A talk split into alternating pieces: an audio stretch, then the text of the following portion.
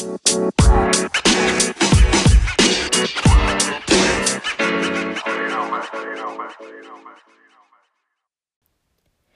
everyone, you're listening to the In Other News podcast where Black British voices converse around new projects, initiatives, share opinion, and life experiences.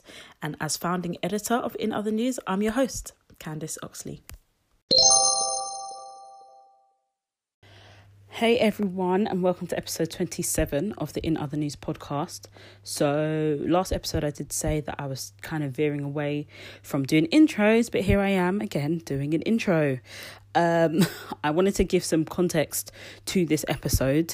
Um, record, recording, wow, recording, recording remotely, I've realized it's just not my bag for a number of reasons. One, I really am a people person, so I like to be with people. And two, when you record and then download the recording, it's deceptive because how it sounded when you were recording is very different to how it sounds once it's downloaded. So, um, please excuse any delays, lagging, and distortion with this episode. But in terms of the conversation, it's well worth the wait and one that I've been really excited to release. Um, this episode features designer and illustrator Kajari Made It. Um, and yeah, I'm looking forward to you guys getting into this one. So, as usual, remember to like, subscribe, leave a review, and share. But most importantly, enjoy.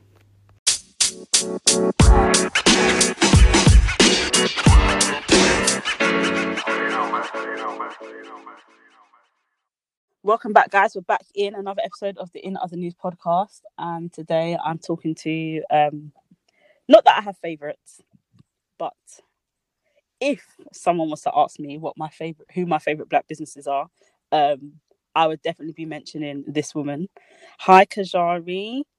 Hello. How are you? I'm okay, thank you. How are you? Yeah, I'm very, very well. Um, how has your week been? Um, my week has been good overall. Um, it's a very busy time of year. Um, with the business and yes, also juggling lots of commissions as well. So just yeah, it's very full on this time of year. And by the time we roll on to Christmas, I'm just ready to ready to relax. Um so yeah, all good. Could do with a bit more sleep, but yes. Couldn't we all? How many hours of sleep roughly are you getting these days? Oh my goodness. Um maybe I mean, okay, so I probably get about six or seven hours, but Okay. I feel like I need more. I feel like I need 10 hours. but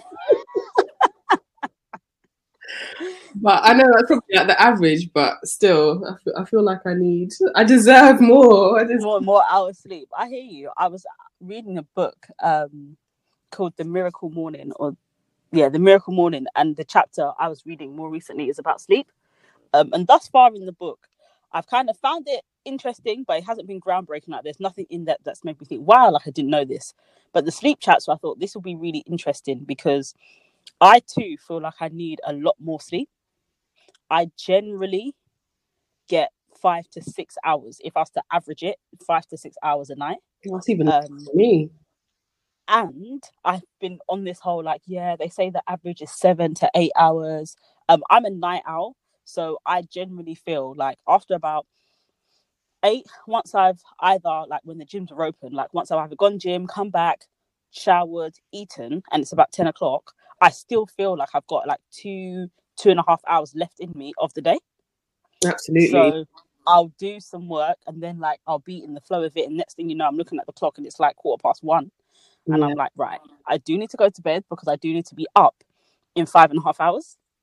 So Yeah. that's where like I think I've got an interesting relationship with time in that like I always feel like I've got a lot of time to do stuff, but I don't always manage it well in that I'm always tired the next day. But I feel like, yeah, I'm glad. No, I feel like this is what I need to do. I need to be up to get this done, or else it just won't get done. Anyway, You're preaching back to the to the choir. That's that's like me. That's exactly. so back to the book it talked when it talked about sleep it was trying to the author was trying to dispel this idea that everybody needs seven to eight hours sleep because it's too absolute to make that kind of judgment across the board for billions and billions of people Mm. So in that regard, I thought interesting. This is something I've not heard before. So I thought, let me keep reading this. And he was like, actually, you need to just work out what it is, like how many hours sleep you need to get in order to feel like you can perform at your optimum level. And some people work really well on five hours sleep. It doesn't necessarily mean that they don't perform well. And I think if you take away the idea that I need seven hours sleep rather than I need to feel rested when I wake up, um, whether you get five hours or nine hours, because I know people that sleep for like eight out eight or nine hours but are still tired. So he was more talking about it from a perspective of irrespective of the hours, you need to work out when how many hours do you get how many hours do you need to get to feel rested? Because i know for me if i oversleep i can feel more tired. Yeah, that's very true. so i was like okay cool. And then he also talks about the power of affirmation and the power of um like speaking into like speaking to how you want to wake up. So essentially like oh like i really want to feel rested tomorrow. And instead of saying oh my gosh i'm only going to get four hours sleep he's like maybe you should say even in getting four hours sleep i'm going to wake up tomorrow feeling rested and rejuvenated and for me even in my prayer life that's what i've been saying before i go to bed recently Oh, that's a good. so I thought that yeah, I thought that's different. What I haven't done before is said like, oh, I'm gonna feel rested the next day. I've always said, oh my gosh, can't again five hours sleep. Like that's that's been me, and honestly, it's it, for me it has worked. Like every night when I go to bed and I'm like, yeah, like I just want to feel like I pray that I just wake up feeling rejuvenated and rested despite only being asleep for five hours. I always feel like almost a bit surprised. I wake up a bit like, oh, wow, I've had five hours sleep and I don't feel shattered. Oh, I need to So try that. maybe Mm. it might be worth trying. Maybe it wo- might because that for me did change the game. I've fallen off a bit, so I think it has that does have something to do with my tiredness levels and just based on how busy life is at the moment for me as well. But um, yeah, the speaking and like not condemning the hours of sleep you're getting, but more speaking to how you like to feel the other side really changed things for me. Oh, I'm definitely going to try that. I need all the help I can get. it really changed things for me. And um, also, what changed things for me is there's some products by Lush. Um, I'm not sponsored by them, but if they listen to this and would like to sponsor me, that would be brilliant. Um, fantastic. that would be absolutely fantastic. Um, they've got a range called Sleepy, Oh, and it's lavender based, and it's a lavender body wash and a lavender body cream, oh, lovely. and game changer, game changer. Mm. like genuinely it like put because sometimes i have trouble getting to sleep um and like i'm tossing and turning and that if you feel like oh i've just had quite a busy day but i just feel like a little bit restless showering with that and then creaming with the cream afterwards game changer Ooh, I'm going to have to write these things down. I usually it's been using um what are those things? The uh, bath salts, the Epsom bath salts. okay lavender in them. Uh, lavender's infused in there, but that sounds yeah okay. Lush. What, what's it called? Sleepyhead. sleepy Sleepy. yeah Wonderful. yeah it's called sleepy it's really really nice i really like it um but in terms of the backstory of you for people that don't know you and have been sleeping under a rock um could you share a Mhm. little bit about who you are um and what you do so what your business is a little bit Sure. Yeah, so my name is Kajari. Uh, I'm a designer and illustrator, and my ba- my brand is called Kajari Made It. Um, and essentially, Kajari Made It is all about combining cultural references and influences in a way that's bold, colourful, and with a dash of playfulness. I like to think. Um, Mhm. That's that's that's basically what what it is. Um, and so I guess uh, people come to my brand in one of two ways. So um, potentially on social media. So I um, often create illustrations based on, I guess, uh, pop culture um, Mhm. and just general banter. um, or, or um, products. So I make yeah, I make lots of uh, products. So homeware, greetings cards, accessories, all of it. Um, and so yeah, people usually come come to me one of two ways. I love it. And um, as you said your name, I must ask, I must hear all of the different variations of how people pronounce your name because I can imagine your name gets dragged through the mud. Uh, literally everything under the sun. Whatever you think of, I've You've had it. it. I remember being at school and having supply teachers was like the worst thing ever. And Oh, I was kind of towards the bottom of the register, and people would just like turn to me because they they would know that whoever this is would my name, and whatever they said, that would be my name for the rest of the day. So it was like the Oh worst. It was the worst, but it's all good. It's made me stronger. there's, a, no, that is there's a quote is Warsan um, you know the of Beyonce fame now, I guess the poet. yeah. Um, Mhm. and she has a poem that starts or contains like the phrase "Give your daughters difficult names," um, Mhm. and that's always stuck with me. And I think for me, the effort that people go to to say my name always means a lot to me. Like if they know how to say my name, it actually, yeah, it makes me feel happy. Yeah. And the people that just Yeah. decide, oh, I'm not not even going to attempt it. also speaks volumes to me. So yeah, it's all good though. Abs- absolutely. I think um I agree. And I have have an interesting relationship with my name, but even with regards to what you said about people that make the effort to say it correctly, it makes you happy. It also makes me happy. Um and when I think about just people making an effort to say your name correctly, Tchaikovsky is very difficult to say when it's written down. Yes, And nobody gets that wrong. yes, and I just think my name or like some of these other names that are maybe just according to like other culture is a little bit unconventional is nowhere near as difficult as Tchaikovsky. yeah. So for me, I'm just like, yeah, you're lazy. You, you just can't be bothered because there's also some ingredients in food that are a little bit unconventional in terms of spelling or pronunciation. But you're trying. Exactly. Yeah, But you will try. yeah. I'm I'm with you fully. Fully, fully. It's crazy. It's crazy. So um because my name I've got interest long story Mhm. short, I didn't used to like the pronunciation of my name growing up. So I used to say Candice, Okay. um, and I don't really know why. i it's been with me for like as long as I can remember. It's either in my in my mind, I can either attribute it to either I didn't like the pronunciation of it, or I someone said it like that, and I didn't have the bravery to correct them at a young age, and I kind of just ran with it after that. Um, and more recently, I've been thinking about just the importance of names and how when you call someone their name, you also call it call you're also calling them what their name means. And and by saying it wrong you're not calling them by their actual name. Mm, um so yeah more recently i've been like yeah guys it's actually candice and i really like it. I feel very like myself. I feel very at home.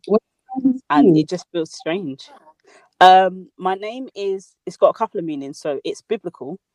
So Candace was an ethiopian queen.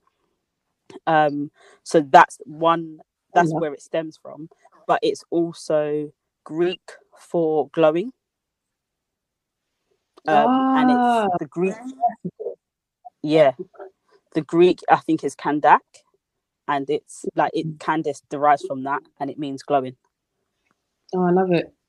I actually studied Latin. yeah what does your name mean Huh? oh Yeah, so I what does your name mean Um, my name means Mother of Nations. So my parents are incredibly uh, ambitious, or they were very ambitious about. the type of woman you grow to be yeah, the Mother of Nations, so you studied latin and Latin and Greek. So I did. Uh, I did Latin at A level. oh, and classical civilization at A level.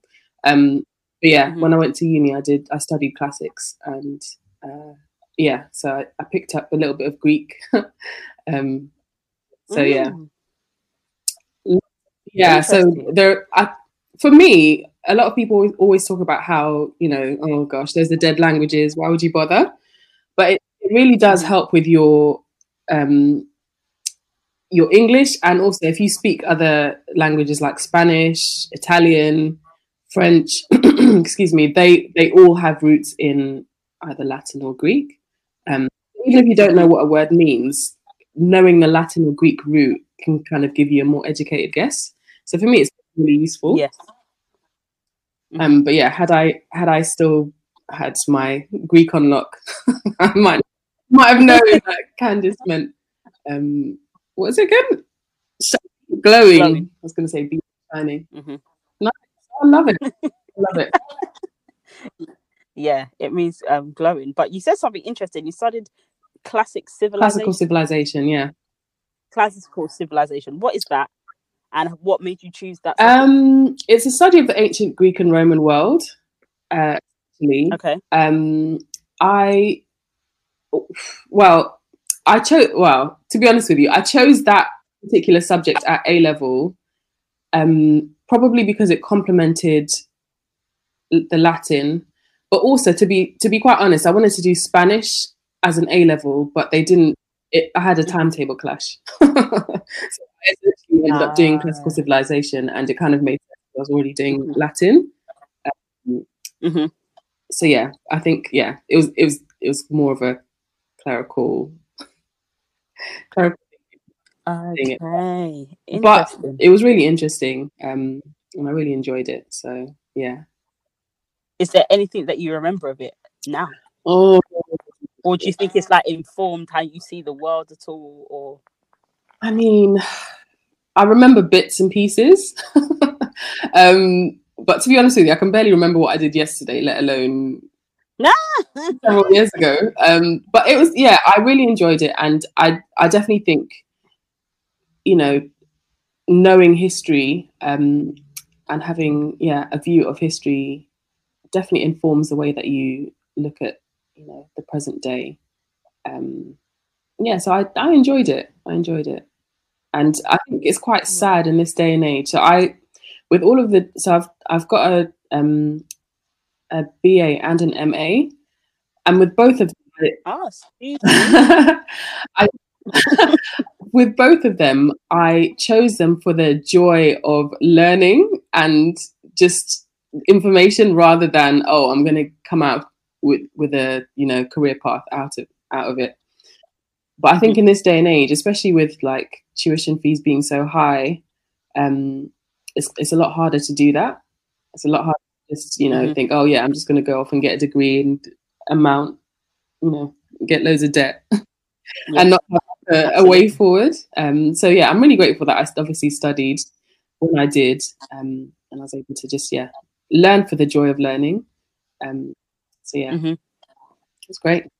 Yeah, I think that's really important. Um, and I think there's a disparity between the importance of learning for the joy of it, um, and also people feeling like they're, they're it's a bit of an obligation and feeling like it's almost like a chore but what I do think is that there are, I've got a couple of friends that are teachers and like heads of year and work in schools. And what I do think is that based on kind of what they tell me, there does seem to be like a new wave of millennial teachers that are going into schools and bringing the joy back to the classroom. So, using modern day examples to teach English literature, like I have a friend who used um, examples of like grime and MCs to like Shakespeare and trying mm. to find points of synergy between it so there could be something relatable that happens in date in present day that relates back to history. I think that's so um, because I guess yeah, it's really important. I did my um for my master's dissertation, I did um it was a comparative study between grime and Somali poetry and how it can be oh, wow. seen as uh, war poetry. So for me, I think from maybe from like GCSE onwards, I found that if I don't enjoy, if I don't enjoy what I'm learning, that's an issue. So I have to make like Mhm. infuse something that I'm actually interested in to make it more enjoyable. Um, so yeah, Yeah. even when I did art, I, you know, my final final year um, project was on Khalees, um, and also basketball. So like I, Mm. I infused things that I was interested in to make it more enjoyable because I think, yeah, I think Yeah. education should be fun, um, and it should Yeah. you should be able to relate it to something, you know, some, yeah, something relevant, um, and yeah, something that you're interested in. Um, that makes it all Yeah. the more enjoyable, I think. I absolutely agree, and I think that's brings me um, into just your line of work Mhm. now, in terms of making um, current affairs, politics, pop culture interesting and enjoyable to see and learn about.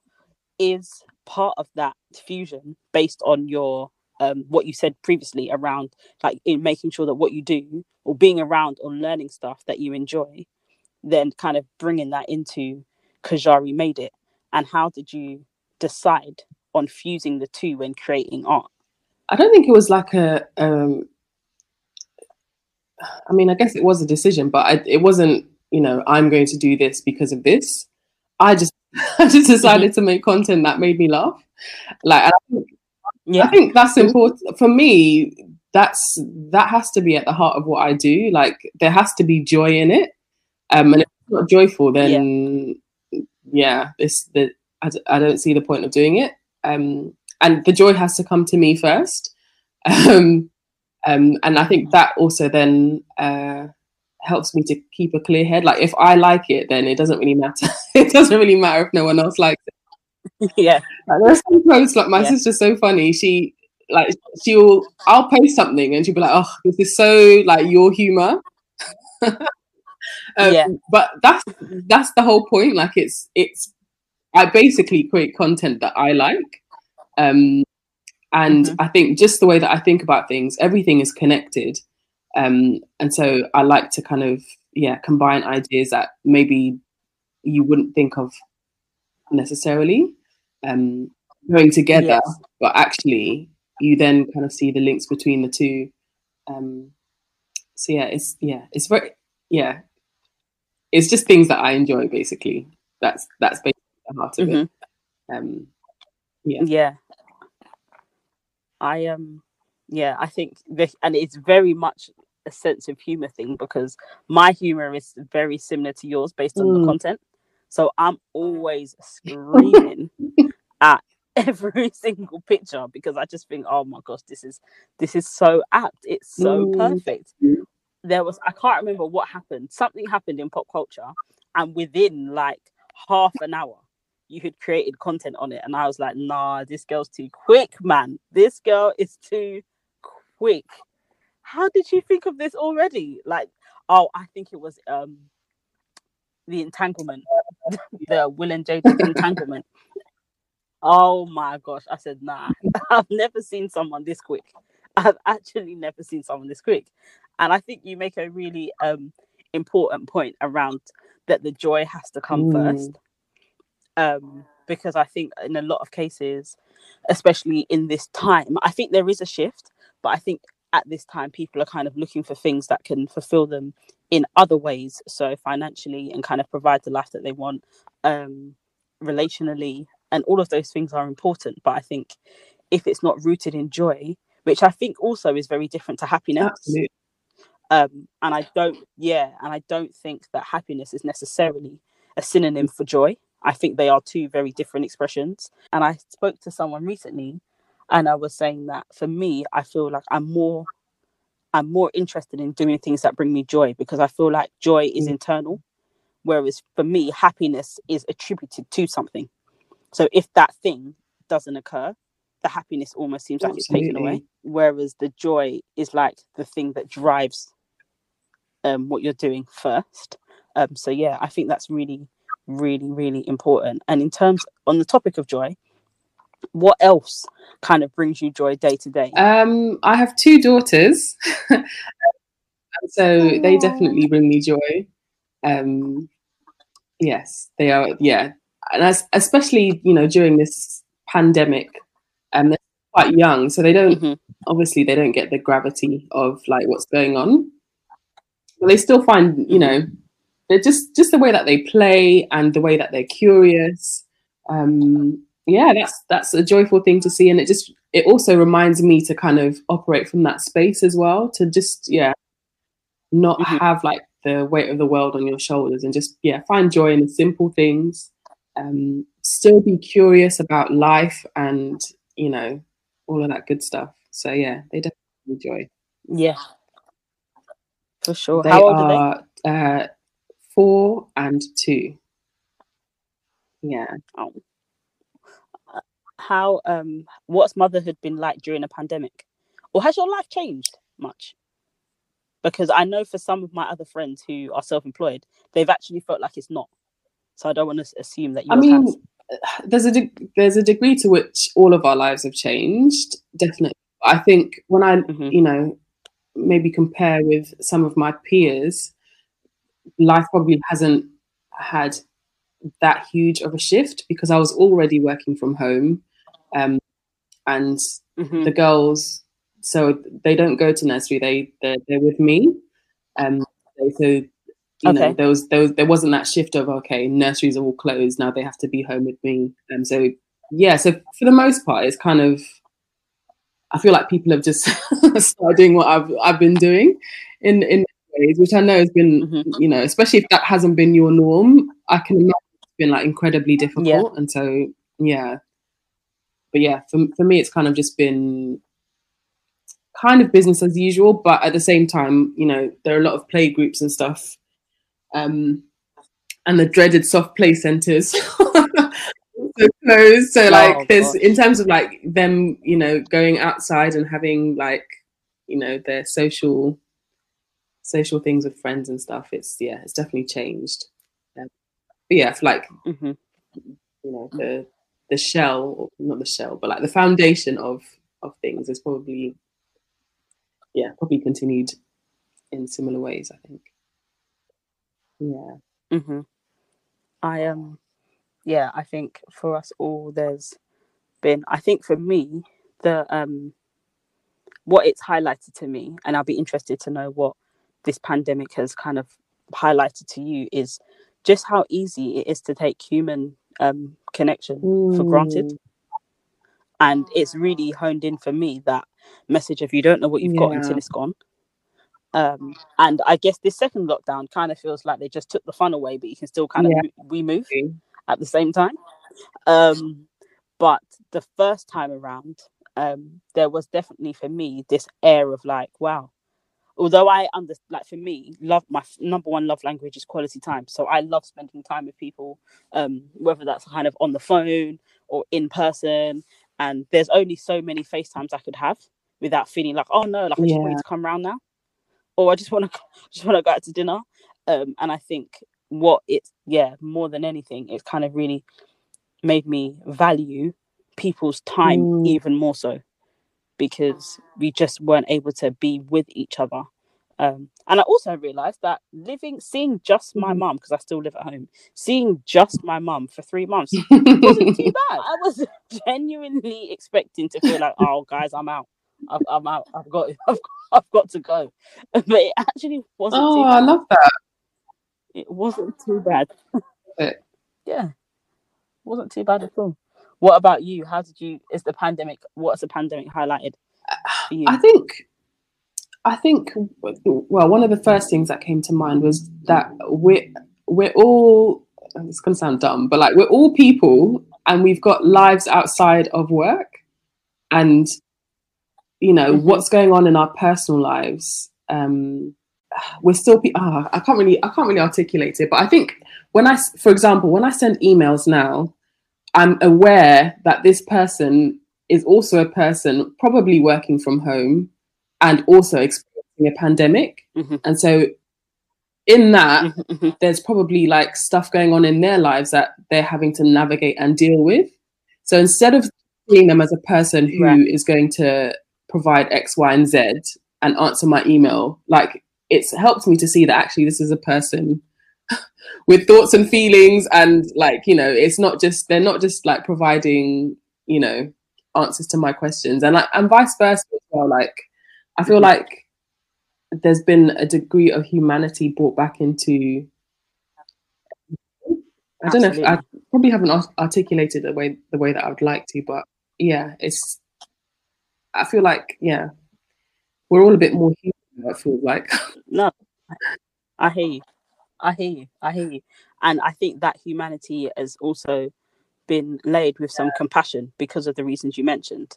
Um, and just the uncertainty of everything. And I think to a degree, it's also kind of put humanity on a, it's, it's not equal mm. at all by no stretch. Um, but there is a level, uh, it seems like the scales have tipped a little bit. Um, so there seems to be like a little the gap between um, people that are more superior and people that are more inferior according to world's view that gap for me feels like just in my own world feels like it's just narrowed a little bit not a lot but narrowed a little bit and i think it's because people have decided to mm. look at people as humans rather than their manager yeah. or their this person exactly. their accountant or their this um, and I think that has helped in just shifting people's view of mm. life and importance. Because as you said, like we're we're all so much more than our jobs because mm. jobs are fleeting. Like you can be like the fact that Cineworld has closed yeah. is a madness to me. That is an absolute madness to me. The fact that, and I think even in stuff like that, it's made me realize just how important it is to exercise gratitude for yeah. everything because the founders and CEOs of Cineworld did not expect a global pandemic to wipe years and years and years of business away mm, in literally like a click so of a true. finger. So true. It's nuts. It's so nuts. And I just think now we're all a little bit more aware and I know there was this conversation even I was having in my circles around like, oh, like I wonder what people will be like once we come out because I think people have humanized people some more and been a bit more compassionate. Um, doesn't seem like that's the case because we've had a number of, um, especially for Black communities, we've had a number of different. Um, oh, just I can't even think of the right word to describe it. Um, yeah, a number of different circumstances where um, we've seen that actually the humanization or lack thereof of black yeah. people just doesn't exist um and in speaking to culture and what happens in and around our culture how do you feel like art informs it and then vice versa how do you think culture informs art or do you think they're informed in the same way hmm.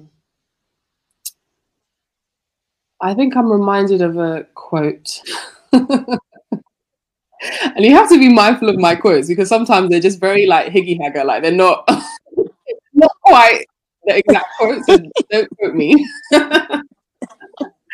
but um, Nina Simone says that you know an artist should reflect the culture. Um, yes, something along those lines. I know Sorry. exactly what you're talking about. Yeah, an artist. Yes, exactly. Um, and yeah, yeah, I think I think exactly that that you know as an artist um there is a degree to which yeah your art should inform the time. Um and i think also you know as an artist you you can you can also you know add to the conversation in culture. So i think the two are very intertwined. Intertwined um yeah. Does that answer your mm-hmm. question? I don't know if i actually answered your question but that's, that's yeah, what came yeah. to mind. Yeah. um um, yeah, and I think also just in terms of my own kind of how I approach like what I see, you know, I did say that you know I do de- I do definitely approach art from a place of joy, but also being a black woman, I I don't know whether it's just being a black woman, but for me anyway, like there's also the rage, like um sometimes mm-hmm. the rage of situations also is a catalyst for the art. Um, so yeah, I think mm-hmm. you know, often you'll see. I think I don't know if you will see rage in it, but often joy and rage inform inform the way that I um, yeah, inform the way that I create.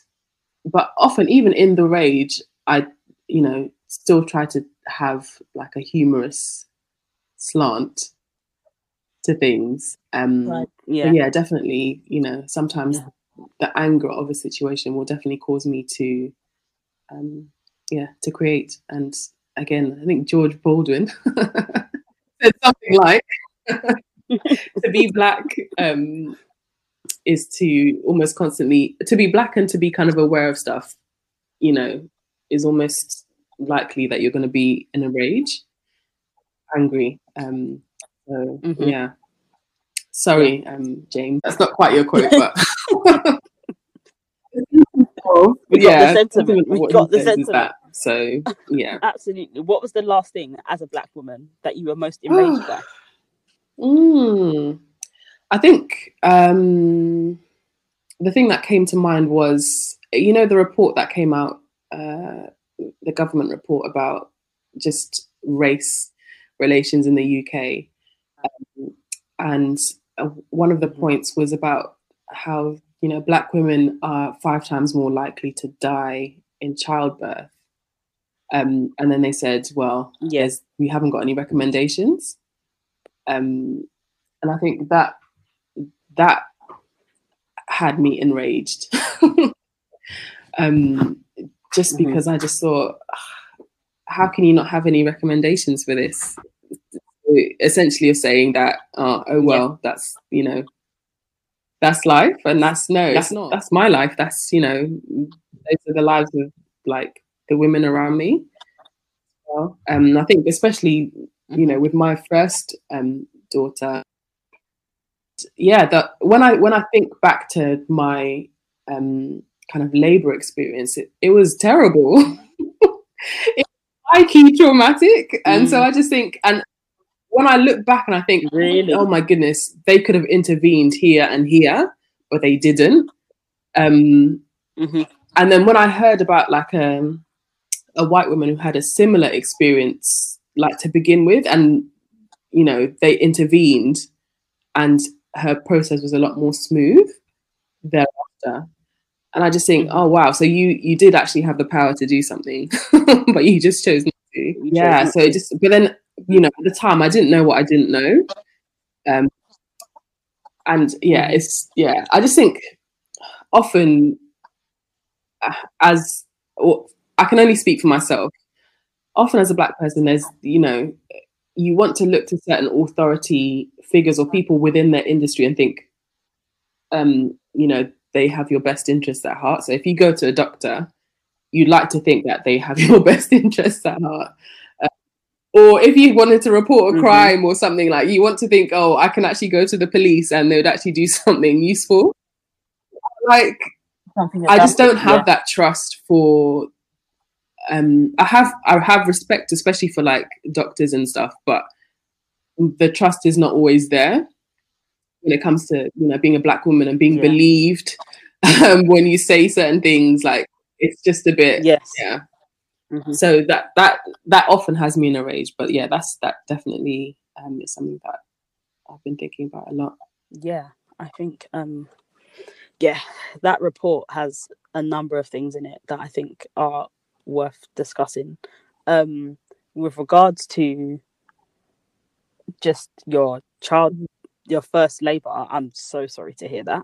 I just think that again it just is further validates the um, Mm. experiences of black women and the fact that there isn't an experience that we are um it doesn't really seem to be like there's an experience that there is empathy in our direction um and i think there's a Mhm. to quote um a female mc called um mamusa Mhm. youssef i want to say her name is um and one of the things she says is to be a black woman is like being black twice um and it's that feeling and then having to live with that on top of and kind of try to orchestrate a, a normal day-to-day life um just feels like a constant constant battle. What do you think um in in some of those instances what has been some of the things that have helped you see past the disparities or see past the injustices, or are you able to um, in just your day to day living? Like, how do you still find joy um, in the midst of this?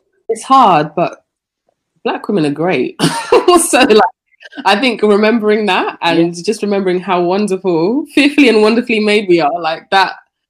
Um, yeah, yeah, that definitely, you know, is a source of joy. And I think also when you look at pop culture, um, the amount that people actually take from black women in terms of like joyful things, um, you know, it's quite a lot. Mm-hmm. And that I think that says a lot about us as well. That you know, despite the level of tomfoolery we face, there's still joy that um yeah we still we're still able to find joy so i think yeah just remembering you know our inherent our inherent greatness uh, we yeah yeah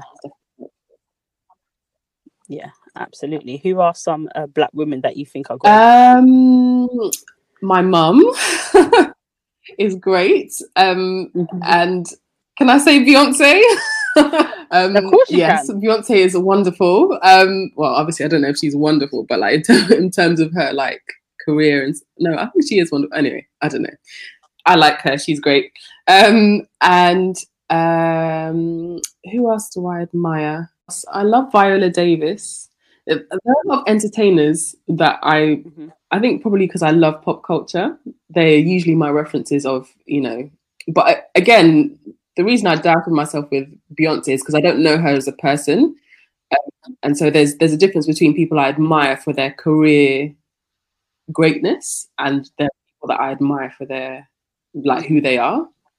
So who who they are and then what they do as well. So in terms of what they do, definitely Beyonce, Viola Davis, um, I guess Michelle Obama. I feel like they, are very um, like obvious ones. Um, yeah, mm-hmm. I can't think of anyone else. That's really yeah. There are actually loads of people, so forgive yeah. me, everybody.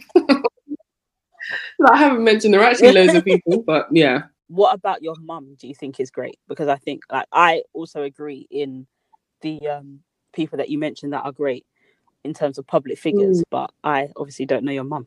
So I'm. What about her makes you feel um, like no, you're um, actually great? I think just her her strength um, like her life has not necessarily been that easy, but just mm-hmm. I think, especially when somebody's been through a lot, you know, going through a lot of trauma, uh, you know, can have such a profound effect on you as a person. Um, but I just feel like, despite all of the, the things that she's been through, she's been such an amazing mum.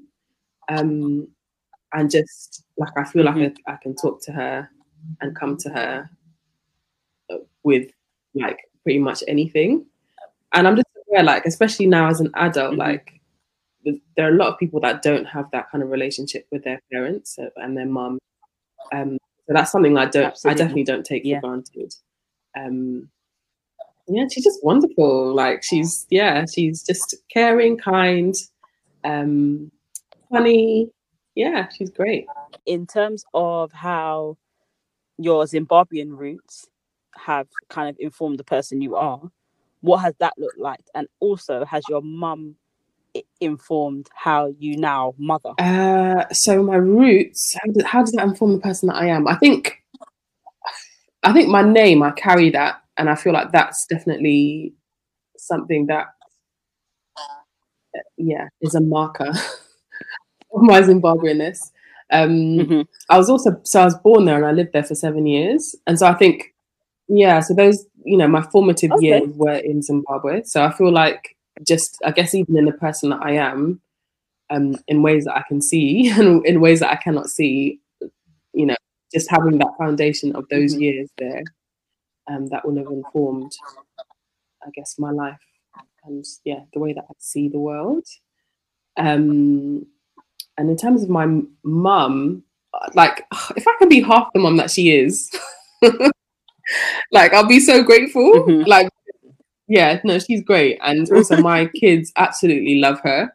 Um, it was it was sad for me because the other day they went they went. They spent um, or recently they spent a weekend with my mum, and my eldest was sobbing. She was like, Mhm. "I don't want to come home." Like first, I was like, first of all, that's very rude, but also like it's you know it's a testament to how like like I understand that like because you know my mom is great, so Yeah, I can understand how why you'd feel that way. But also, Yes. can you just remember? where you came from. yeah, I hear it. I do. I've got um godchildren, and they came the first time they came to my house.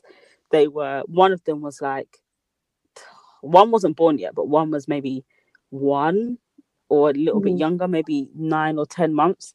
So couldn't really remember the experience. And now he's he's come back. I always go there, but he came over maybe it was warm, so I want to Mm. say maybe even early September.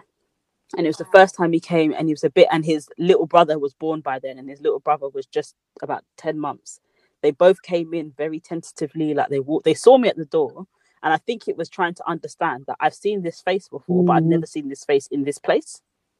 So I'm wondering whether this is the same person that always comes to my house, because they kind of looked at me like, I know this is Auntie, but then at the same time, I've never been here before. So how come Auntie is here? And so I like I showed them around my house so they could see this is the living room, this is the kitchen, this is the garden, da, da, da, da, da, this is Auntie's bedroom, this is the bathroom, blah blah blah. And within maybe two hours, um, their dad, who's my cousin, came over because I was with their mum, and he, he was like, "All right, we're gonna go now." And then they were like, "No, no, no we don't want to go. We don't want to go."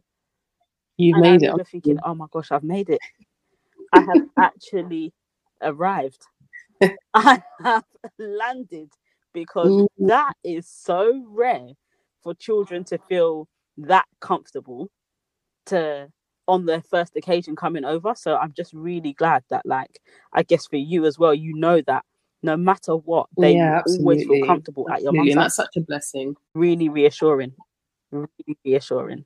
Um and quickly in terms of your um formative years in zimbabwe um what what is i've never been what is zimbabwe like? Um what's kind of the i guess from a westernized perspective there's loads of differences but what are kind of the subtleties about zimbabwe that are like most exciting that you think oh when you go to zimbabwe you must experience this or you must enjoy this i know you are young so there might not be Mm. everything that you can do at that age but just out of interest If you ever do go to Zimbabwe, you need to go to Victoria Falls. Um, it's Okay. yeah, water, a massive waterfall. Um, and it's also it's in Zimbabwe, but it's also in Zambia. But and obviously, I'm not being biased, Mhm. but the better view is Zimbabwe. So um, yeah, you definitely need to experience that. Um, I did go, but I think my mum tells me that I was little, so I was like a baby. So I've got no, I've got no personal recollection of being there, but you know, my sources tell me Mhm. definitely something that you should yeah experience. Um, and yeah yeah, Zimbabwe is actually a landlocked country, so there's no like, yeah, there's no water, there's no beaches and stuff. But um, yeah, definitely the waterfall is uh, a one.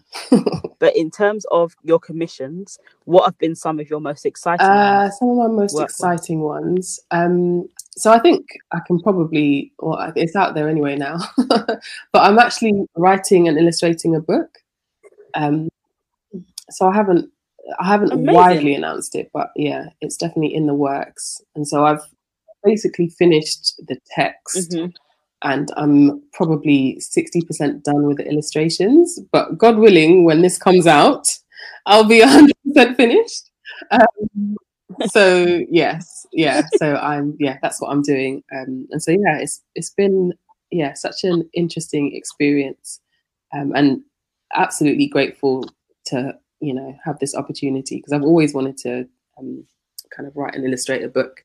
So the fact that yeah, I've been given this opportunity this year has just been amazing. um, what's the book about Ah, the book. Um, I think I can Okay, say generally, like the book is it basically tackles or you know talks about issues such as race and uh, privilege, um, and also kind of you know, uh, I guess toxic ma- masculinity a little bit. In it, it basically tackles those Mhm. issues in a light and comical way in some in some way shape or form so basically if if you follow me on instagram um and see the kind of work that i produce there it's basically you know that same humor that same kind of you know visuals is is what you'll see in the book I love it. I love it. And who is the book aimed at? Age it's yeah it's it's meant to be for everyone um yeah so big kids. And I that is the perfect description. That yeah because uh, perfect i think also uh, i wanted to do do it for both audiences because i feel like there are a lot of people who in terms of matters of race and privilege they're very young in their thinking. Um and so in many ways i've made it like as visually appealing and hopefully simple so that i'm taking some people along on the journey. So yeah. So i hope i really hope it's it's a book that people enjoy but Yes. yeah. Again i for me like i'm finding joy in you know in the content that i'm producing. So i think yeah hopefully that'll keep me grounded in yeah despite what responses i might get from it um just to remember that you know i enjoyed it first. So Yes, precisely. And on that note, actually, really interesting that you said, um, despite the responses you get, in terms of responses to your content now, um, Mhm. I'm assu- uh, this is do people do you have trolls essentially is the question. And if you do how do you manage that? Because we get it. We understand the content. We think it's hilarious we're rolling on the floor crying and screaming because it's so funny and so apt. But mm, karen feels some type of way or tesco's and sainsbury's feel some type of way. How do you manage that side I think it's quite your line of interesting, and I've, I've probably probably been quite fortunate that the people that follow me, for the most part, like that the content, um, and so it's only people who stumble across me by accident. They're the ones that have something to say, um, and so I, you know, I've really come to enjoy blocking people. So if you just come for no reason, no like just yeah if you come for no reason and you felt to comment like nonsense then i've got no yeah it actually brings me joy to block people who just there are a lot of miserable goats in the world and you know i hope that my page my, my social pages are places of joy. So if you just want to come and spread like nonsense then i yeah i have no i have no problems in people. In fact you know come and make my day. Yeah so i mean i don't i don't get as many trolls as i know a lot of people do. Um but it's interesting though that quite early on i think sometime last year i made a post um that was uh, about piers morgan um and some somebody i think that followed me added piers morgan into it and he responded and then it was just when I looked when I looked at all of the comments, no. I just thought I'm so glad that I did not get tagged into this because just the amount of like wild Mhm. Comments that were there, I just thought, oh my goodness, I'm not even going to read half of this stuff. Um, so yeah, I think generally Mhm. speaking, my you know the people that follow me, I guess, are my audience, and so you know there's rarely opportunity for people who you know people who don't think in similar lines i guess don't follow me they don't yeah they don't come across Mhm. me i guess so thankfully yeah trolls are f- few and far between Yeah. few and far between. Good. And in terms of your dream commission, who would you love to work with, collaborate Ooh, with, um, be commissioned by?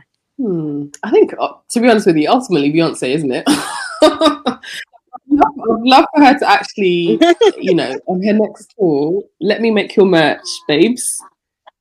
Do it. Um, I think I'd, I'd really enjoy that. Um, and in terms of other commissions, hmm, Oh, I don't know. I don't know. To be honest, to be very honest with you, I like making my own content. I think that's what make, brings me joy because no one's no one's telling me, "Oh, change this, do that." Like I'm actually doing what I want to do. Um, and so Yeah. I yeah. To be Yeah. honest with you, I I enjoy making my own content, and if you know, if and when commissions come along, uh, that's great and that's amazing, and I'm I'm always grateful and always thankful for those opportunities. But um, I think yeah, there's a lot of joy in creating my own stuff. Um, so yeah, I guess that speaks a lot to just ownership and being able to do run live the life that you would like to um, Yeah. and you've been able to do that by doing what you do which i think is incredible and i think um, as i said at the top of the conversation i think your work speaks to pop culture um, and current affairs and just topical issues in a way that's um, easy to digest but makes you chuckle which i think is the perfect hybrid for such sensitive for Mm. what could be considered a sensitivity um, in trying to bring and infuse some humor into um, pressing issues um, but also like it's Mm. really good conversation starters. Um, so i know that people have sent me like your work on dm like look at this how funny is this? And i'm like oh it's facts. And then me and that person might get into a little bit of a conversation around Oh, what you've drawn. Um and i think that is really yeah, yeah what the testament to like an artist as nina simone says like your response your ability to speak to the times in a way that like provokes and Mm. evokes conversation um i think is really yeah i think is super impressive and you do it with joy and that's really what i've taken away from our conversation is that Mm. joy has to come first. I've never thought about it like that, but I think that is yeah really poignant, and I don't think that's something that's gonna leave my mind for a while. So yeah, thank Aw, you for sharing that. That's yeah, that's super poignant to that's super poignant to me. So um, if people want to follow you, um, further connect, have commission done by you, Um, like so where can they if you'd like to follow me on socials, it's at Kazvare Made It. So K A Z V for Victor, A R E, Made It. um, and yes, if you want to get in touch about commissions, you can uh, go on my website and go to the contact form. So my website is kazvaremadeit.com. Um, and yeah, you can contact me there. guys as usual remember to follow in other news across all platforms in other news uk on instagram and twitter make sure you like subscribe share always the good report and i will catch you guys soon